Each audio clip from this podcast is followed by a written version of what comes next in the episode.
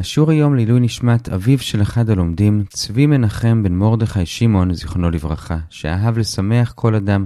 נודה לכולכם אם תלמדו לעילוי נשמתו. כל מי שרוצה להקדיש שיעור, מוזמן להיכנס לאתר סיני, ושם למעלה בתפריט. שלום לכולם, אנחנו לומדים את דף כ"ט במסכת כתובות באתר sny.org.il. אנחנו מתחילים היום בעזרת השם את הפרק השלישי, פרק אלו נערות. נלמד עד השליש העליון של דף ל עמוד א', שיעור היום יהיה 12 וחצי דקות. הנושא של הפרק הזה זה הדין של אונס ומפתה. כנראה שזה מובא כאן כי הדינים האלו זה דווקא כשמדובר בבתולה, לכן זה מובא אגב הפרקים הקודמים שגם שם דיברנו על מתי אפשר להניח שאישה היא בתולה ומתי לא. בכל אופן, לפני שנתחיל, נקדים שתי הקדמות. הקדמה הראשונה זה לגבי מה זה אונס ומפתה. אז אונס זה מי שבועל נערה בתולה בכפייה, מפתה זה מי שבועל נערה בתולה ברצון. ההבדל בדינים שלהם זה שאונס חייב קנס של 50 שקלים כסף, והוא משלם לה גם צער, בושת ופגם, והוא צריך להתחתן איתה, כמובן בהנחה שהיא ואבא שלה מסכימים, ואסור לו לגרש אותה כל ימיו. זה לגבי אונס. לגבי מפתה, קודם כל אין צער, כלומר הוא רק משלם בושת ופגם, ולגבי החיוב להתחתן והקנס, קנס זה או זה או זה. כלומר, או משלם קנס, או מתחתן איתה, והוא יכול לגרש אותה ולשלם כתובה אם הוא רוצה. אלה הדינים, עכשיו נקרא את הפסוקים שלהם, אז לגבי אונס זה כתוב בדברים כ"ב, כתוב כי ימצא איש נערה ותולה אשר לא הורסה, ותפסה ושכב עמה ונמצאו, ונתן האיש השוכב עמה להביא הנערה חמישים כסף, ולא תהיה לאישה תחת אשר עינה, לא יוכל שלחה כל ימיו. זה לגבי אונס. לגבי מפתה, זה גם כן בפרק כ"ב, אז זה קל לזכור, אבל בספר שמות, לא בדברים, שם כתוב, וכי יפתה איש בתולה אשר לא הורסה ושכב עמה, מהור ימרנה לו לאישה, אם אין ימאן אביה לתיתה לו, כסף ישקול כמו הר הבתולות. אז אלה הפסוקים, ונשים לב שבשני התחומים כתוב בתולה, ובהמשך נראה שבגלל זה עושים גזרה שווה בין שני התחומים, ואפשר ללמוד דינים מאונס למפתה, וגם ממפתה לאונס. עד כאן ההקדמה הראשונה. ההקדמה השנייה שעוד מעט נשתמש בה זה שיש שלושה שלבים כשילדה גדלה. השלב הראשון זה שהיא קטנה. זה מאז שהיא נולדה ועד שהיא נהיית נערה, שזה השלב השני. מתי היא נהיית נערה? אז יש כאן שני תנאים. היא גם צריכה להגיע לגיל 12 וגם לראות שתי שערות, ואז היא נהיית נערה, והיא נשארת נערה למשך שישה חודשים. אחרי השישה חודשים היא עוברת לשלב השלישי שזה בוגרת, וככה היא נשארת עד סוף ימיה. אז שוב, יש קטנה, נערה משתי שערות ו-12 שנים לשישה חודשים, ואז בוגרת. עד כאן ההקדמה השנייה. השנייה, ועכשיו אחרי הקדמות נתחיל בשיעור עצמו ונחלק את השיעור לשני חלקים. אז החלק הראשון זה שהמשנה פותחת בכותרת אלו נערות שיש להן קנס, כלומר שאם אנסו אותן אז הן זכאיות לקנס שהזכרנו מקודם, 50 שקלים, והיא מפרטת כל מיני נערות, למשל ממזרת, נתינה, אחותו, אחות אביו וכולי וכולי. זו המשנה באופן כללי, ובחלק הזה הגמרא מעירה על זה שתי הערות. הערה ראשונה זה שכמובן לא רק נערות עם בעיות, כמו שהזכרנו, ממזרת, אחות אביו, הן זכאיות לקנס. ברור שגם לנערות רגילות יש קנס, את זה לא צריך לומר. מה שהמשנה באה לחדש זה נערות עם בעיות שגם להם יש קנס. זאת הערה ראשונה. הערה שנייה זה שהמשנה כתבה דווקא נערות, וזה באמת כדעת רבי מאיר שרק לנערה יש קנס, לא לגדולה ולא לקטנה. אבל חכמים חולקים עליו ואומרים שגם לקטנה יש קנס, כמובן מג' שנים ויום אחד, כי לפני זה זה בכלל לא נחשב שהיא נבהלה. עד כאן שתי הערות, ועד כאן החלק הראשון. החלק השני זה בשורה הראשונה בעמוד ב', וזה לגבי החידוש המרכזי של המשנה, וזה שגם אישה שהוא לא יכול להתחתן איתה, כי יש איזשהו איסור, בכל זאת, אם הוא אנס אותה, הוא צריך לשלם קנס. והמשנה מפרטת שני סוגים של נשים כאלה. הסוג הראשון, הקל יותר, זה איסורי לאו, שזה ממזרת ונתינה. נתינה זה מצאצאי הגבעונים, שהם בעצם מאחיבים, ולכן לפי התוספות יש עליהם איסור תורה כמו על כל שבע אומות בארץ ישראל, שזה ולא תתחתן בם. זה הסוג הראשון, איסורי לאו. הסוג השני זה איסורי כרת, שזה אחותו, אחות אביו, אחות אמו, אחות אשתו, אחות אחיו, אשת אחי אביו ונידה. אלה שני סוגי האיסורים, ושוב החידוש הוא שאפילו שהוא אנס אישה שהיא אסורה עליו, בכל זאת הוא צריך לשלם קנס. ולמה זה חידוש? כי כמו שקראנו מקודם בפסוקים, כתוב ונתן האיש השוכב עמה להביא הנערה חמישים כסף, ולא תהיה לאישה. אז לכאורה יש תלות בין הקנס לבין האפשרות להתחתן איתה, ואם הוא לא יכול להתחתן איתה כי היא אסורה עליו, אז לכאורה הוא גם לא משלם קנס. זה מה שהיינו חושבים, לכן המשנה מחדשת שזה לא נכון, והוא משלם קנס גם כשיש איסור. זה עיקר המשנה, ועכשיו את הדיון לגבי זה נחלק לשני סעיפים. בסעיף הראשון נראה מה המקור למשנה, שבאמת גם מי שאסורה עליו יש לה קנס. בסעיף השני נראה שני תנאים שחולקים על המשנה ואומרים שאין לה קנס. אז הסעיף הראשון זה כאמור מה המקור למשנה, שבאמת גם למי שאסורה עליו יש לה קנס, אז הגמרא מביאה את ריש לקיש ורב פאפא, שמביאים מקורות מאוד דומים. ריש לקיש לומד מאונס, ששם כתוב נערה והנערה, ורב פאפא לומד ממפתה, ששם כתוב בתולה והבתולות. ואיך הם לומדים את זה? אז יש כתוב בפעם הראשונה נערה ובפעם הראשונה בתולה, מזה לא לומדים כלום, כי זה נצרך לעצם העניין. אבל זה שכתוב אחרי זה עוד פעם הנערה והבתולות, זה כבר מיותר, וזה מיותר פעמיים. כלומר, גם מיותר מיותר עצם זה שכתוב נערה, וגם ההי מיותרת. ואותו דבר בבתולות, גם עצם המילה מיותרת, וגם ההי שלה מיותרת. אז בעצם אפשר ללמוד משני המקומות האלו שני דברים. אז בשלב הראשון הגמרא מבינה שריש לקיש לומד את זה רק מאונס, שמאחד מהם הוא לומד את הלאו, ומהשני את הכרת, ושרב פאפה לומד את זה רק ממפתה, גם כן, מאחד מהם לאו, ומהשני את הכרת. ככה הגמרא מבינה בהתחלה. הבעיה עם זה, זה שבאמת בכל אחד מהתחומים, אחד משני הלימודים שלכאורה מיותרים, הוא לא באמת מיותר, הוא נדרש לדרשה אחרת, לאיזו דרשה? אז באונס לומדים מהמילה אבי הנערה, שמתי משלמים קנס רק כשהנערה עדיין חיה, אבל אם היא נפטרה בין האונס לבין גמר הדין, אז האנס לא משלם לה בקנס, ומהמילה הבתולות לומדים שיש את הגזרה שווה שהזכרנו מקודם, בין אונס לבין מפתה. ממילא לימוד אחד בכל אחד מהתחומים כבר תפוס לנו. אז איך ריש לקיש ורב פאפה ילמדו גם לאו וגם כרת? הרי הם צריכים שני לימודים בכל אחד מהתחומים, אז לכן בשלב השני הגמרא מבינה שזה לא שריש לקיש ורב פאפה חולקים אחד על השני, וריש לקיש ניסה ללמוד רק מאונס ורב פאפא רק ממפתה. אלא באמת, הם מסכימים אחד לשני, ושניהם לומדים את זה גם מאונס וגם ממפתה בצורה משולבת. כלומר, אני לא צריך שיהיו לי שני לימודים רק באונס, או שני לימודים רק במפתה בשביל ללמוד, כי באמת אין לנו, כמו שאמרנו, כי זה כבר תפוס, אלא אני צריך שבאונס ובמפתה ביחד יהיו לי סך הכל שני לימודים מיותרים, ואת זה יש לי, כי גם באונס נשאר לי לימוד אחד, וגם במפתה נשאר לי לימוד אחד, וממילא אחד מהם מלמד על הלאו, ואחד מהם על הכרת. אז זה המקור למשנה שלנו, מניין שאישה שהיא אסורה עליו בין באיסור לאו ואפילו באיסור כרת, שבכל זאת יש לה קנס, מהאיתור של הנערה שכתוב באונס והבתולות שכתוב במפתה. וזה הגענו לשליש התחתון של עמוד ב', ועד כאן הסעיף הראשון.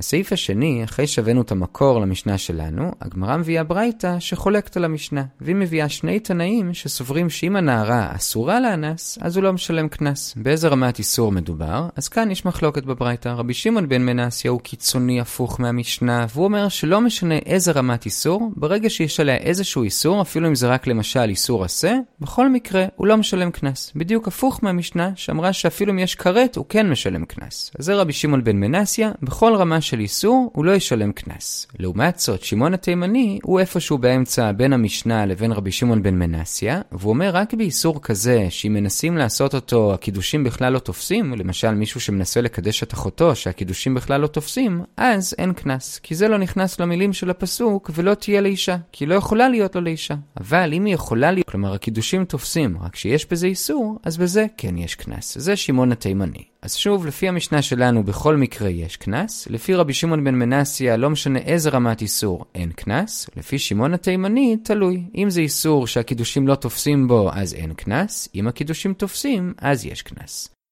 אלה הדעות, ועכשיו, בשביל הדעה של שמעון התימני, שזה תלוי האם הקידושים תופסים או לא, אנחנו צריכים לברר באיזה איסורים הקידושים תופסים, ובאיזה לא. אז באיסורי כרת, לפי כולם, הקידושים לא תופסים. כמו שאמרנו, אם אדם מקדש את אחותו, הוא לא עשה כלום. זה באיסורי כרת. מה לגבי שאר האיסורים, כמו איסורי לה ואיסורי עשה, אז בזה יש מחלוקת. לפי חכמים, בכל שאר האיסורים, הקידושים כן תופסים, וממילא לפי שמעון התימני, כן יהיה קנס. אבל, לפי רבי עקיבא זה תלוי, ונדבר כאן על ארבע רמות של איסורים אחרים. הרמה הראשונה זה לאו רגיל, שזו אחת מהדוגמאות במשנה, שזה מישהו שמתחתן עם ממזרת או עם נתינה, לפי רבי עקיבא, אפילו שזה רק לאו, בכל זאת הקידושים לא תופסים, והילדים שיהיו להם יהיו ממזרים, זאת הרמה הראשונה, לאו רגיל. הרמה השנייה זה לאו שהוא מיוחד לכהנים, שזה אלמנה לכהן גדול וגרושה וחלוצה לכהן אדיוט, בזה יש מחלוקת אמוראים בתוך דעת רבי עקיבא. רבי סימאי אומר שכאן הקידושים כן תופסים, וממילא גם הילדים לא יהיו ממזרים, כי הוא לומד מהפסוק שכתוב שם ולא יחלל את זרעו, משמע שכשכהן עושה את זה, הוא לא גורם לילדים להיות ממזרים, אלא רק להיות חללים. זה דעת רבי סימאי. לעומת זאת רבי ישבב מרחיב את רבי עקיבא ואומר שלדעתו גם כאן הקידושים לא תופסים והילדים כן יהיו ממזרים. זו רמה שנייה. שלישית זה עשה ששווה אצל כולם, כלומר זה לא משהו שמיוחד לכהנים, אלא גם לישראלים, וזה האיסור לשאת מצרי ואדומי עד דור שלישי, זה לא איסור לאו, אלא לומדים את זה מעשה, כתוב דור שלישי יבוא להם בקהל השם, כלומר שעד אז זה אסור, אז לפי רבי סימאי שהזכרנו מקודם, ודאי שהקידושים תופסים, כי לדעתו אפילו בלאו הקידושים תופסים, אז ודאי שבעשה, אבל לפי רבי ישבב שהגיב לרבי סימאי, ואמר שלפי רבי עקיבא יש יותר ממזרים, לא ברור האם הוא התכוון לומר את זה רק כתגובה לרבי סימאי, וממילא הוא התכוון להרחיב את זה רק לכל הלאווים, כלומר הלאווים של הכהנים, אבל בעשה לא יהיה ממזרים, והקידושיהם כן יתפסו, או שהוא התכוון לומר את זה כעיקרון כללי, ואז אפילו בעשה של מצרי ואדומי לפי רבי ישבב, לפי רבי עקיבא, הקידושים לא יתפסו, והילדים יהיו ממזרים, זה ספק בתוך דעת רבי ישבב, זאת הרמה השלישית, ורמה רביעית ואחרונה, שזה הרמה שבה כולם מודים שהקידושים כן תופסים אפילו לפי רבי ישבב, זה עשה שאינו אצל כולם, וזה בעולה לכהן גדול. כלומר, לפי התוספות, אם כהן גדול אונס נערה בתולה, מעכשיו הרי היא כבר לא בתולה, אז הוא לא יכול לשאת אותה לאישה, והאיסור הזה הוא רק איסור עשה, כי הרי היא לא גרושה, היא לא אלמנה, היא לא חלוצה, היא פשוט פנויה בעולה. במקרה כזה, אם הוא בכל זאת יישא אותה לאישה, אז כאן, לפי כולם, אפילו שהוא עובר על איסור עשה, הקידושים כן יתפסו, וממילא, לפי כולם, למרות שאסור לו לשאת אותה לאישה, לפי שמעון התימני, הוא כן ישלם קנס, כי הקידושים כן תופסים. אז שוב, מתי קידושים תופסים ומתי לא? באיסורי כרת הם ודאי לא תופסים, וממילא לפי שמעון התימני גם אין קנס. באיסורים אחרים, לפי חכמים הם כן תופסים, וממילא אגב הילדים לא ממזרים, וגם יש קנס לשמעון התימני. לפי רבי עקיבא יש ארבע רמות. בלאו רגיל כמו ממזרת ונתינה הם לא תופסים, בדיוק כמו איסורי כרת, והילדים יהיו ממזרים. רמה שנייה, בלאו של אלמנה לכהן גדול לפי רבי סימאי הם תופסים, לפי רבי ישבב לא. רמה שלישית, באיסור עשה של מצרי ואדומי יש ספק בתוך דעת רבי ישבב האם הם תופסים או לא. רמה רביעית, רביעית, בעולה פנויה לכהן גדול, לפי כולם הקידושים כן תופסים. עכשיו שוב, נחזור לנושא שלנו, מתי יש קנס ומתי לא. אז לפי המשנה שלנו, תמיד יש קנס, גם כשהיא אסורה עליו, גם כשזה איסור כרת. לפי רבי שמעון בן מנסיה מהצד השני, ברגע שהיא אסורה עליו, אפילו אם זה רק איסור עשה, בכל מקרה אין קנס. לפי שמעון התימני זה תלוי האם האיסור הזה הוא איסור שהקידושים תופסים בו או שלא.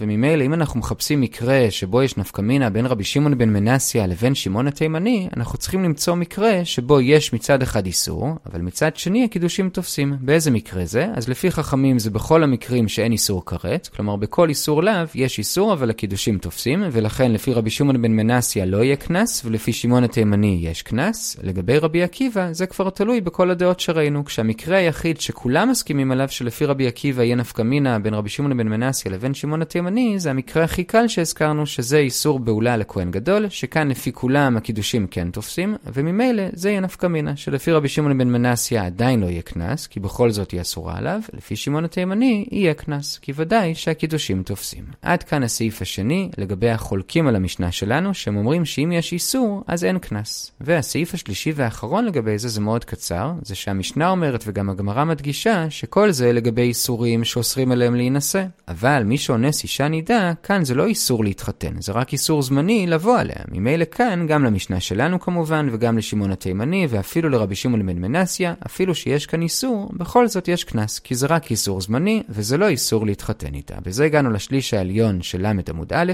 נעצור כאן, נחזור על מה שראינו. חילקנו את השיעור לשני חלקים. בחלק הראשון הערנו שתי הערות קצרות לגבי המשנה. קודם כל, שהמשנה מדברת רק על הנערות הבעייתיות, אבל כמובן שגם נערות רגילות יש להן קנס. דבר שני, זה שהמשנה דיברה דווקא על נערות, כי כמו רבי מאיר שאומרת שלקטנה אין קנס, אבל חכמים חולקים ואומרים שגם לקטנה יש קנס. זה היה החלק הראשון. בחלק השני עברנו לחידוש המרכזי של המשנה, וזה שהמשנה אומרת שגם אם היא אסורה עליו, בכל זאת יש קנס, בין אם זה איסור לאו, ואפילו אם זה איסור כרת, והבאנו את המקור לזה של המסקנה, לומדים את זה מייתור אחד שכתוב באונס הנערה, ומעוד ייתור שכתוב במפתה הבתולות, ומשני הייתורים ביחד לומדים אחד כשהיא אסורה עליו בלאו, ואחד כשהיא אסורה עליו בכרת, שבכל זאת אם הוא אנס אותה, יש לה קנס. ונוסיף בסוגריים, מהייתור השני של כל אחד מהתחומים, מההי של הנערה לומדים את הדין של אביי, שאם הנערה נפטרה בין האונס לבין המשפט, אז כבר אין קנס, ומזה שכתוב בתולה במפתה, לומדים את הגזרה שווה בין אונס לבין מפתה. זה היה בסעיף הראשון. בסעיף השני הבאנו שיש חולקים על המשנה שלנו ואומרים שאם היא אסורה עליו אין קנס, לומדים את זה מ"ולא תהיה לאישה", אבל הם חולקים ביניהם איזה רמה של איסור. לפי רבי שמעון בן מנסיה, ברגע שהיא אסורה באיזושהי רמה של איסור, כבר אין קנס. לפי שמעון התימני, רק אם זה איסור כזה שקידושים לא תופסים בו. באיזה איסור קידושים לא תופסים? אז בכרת ודאי שהם לא תופסים, וממילא לדעתו לא יהיה קנס, וזהו כמו רבי שמעון בן מנסיה. לגבי לאו, זה כבר מחלוקת. לפי חכמים קידושים תופסים ויש קנס, לפי רבי עקיבא יש ארבע רמות. אם זה לאו רגיל כמו ממזרת ונתינה, קידושים לא תופסים ואין קנס. אם לאו של אלמנה לכהן גדול או גרושה לכהן אדיוט, לפי רבי סימאי קידושים תופסים ויהיה קנס, לפי רבי ישבב לא תופסים ואין קנס. רמה שלישית, אם זה איסור עשה ששווה אצל כולם, שזה מצרי ואדומי, אז יש כאן ספק בדעת רבי ישבב האם זה תופס או לא, וממילא האם יש קנס או לא. רמה רביעית, שוודאי כן יש קנס לפי שמעון התימני, כי זה ודאי כן תופס גם לרבי עקיבא, זה איסור עשה שאינו אצל כולם, שזה בעולה לכהן גדול, הקידושים תופסים, וממילא לשמעון התימני יש קנס, אבל לרבי שמעון בן מנסיה, גם כאן עדיין אין קנס, כי בכל זאת יש איסור. זה היה הסעיף השני. בסעיף השלישי הדגשנו שאם היא רק אסורה באיסור נידה, ודאי שיש קנס לפי כולם, כי זה לא איסור לשאת אותה לאישה, זה רק איסור זמני, ולכן יש קנס. כל טוב.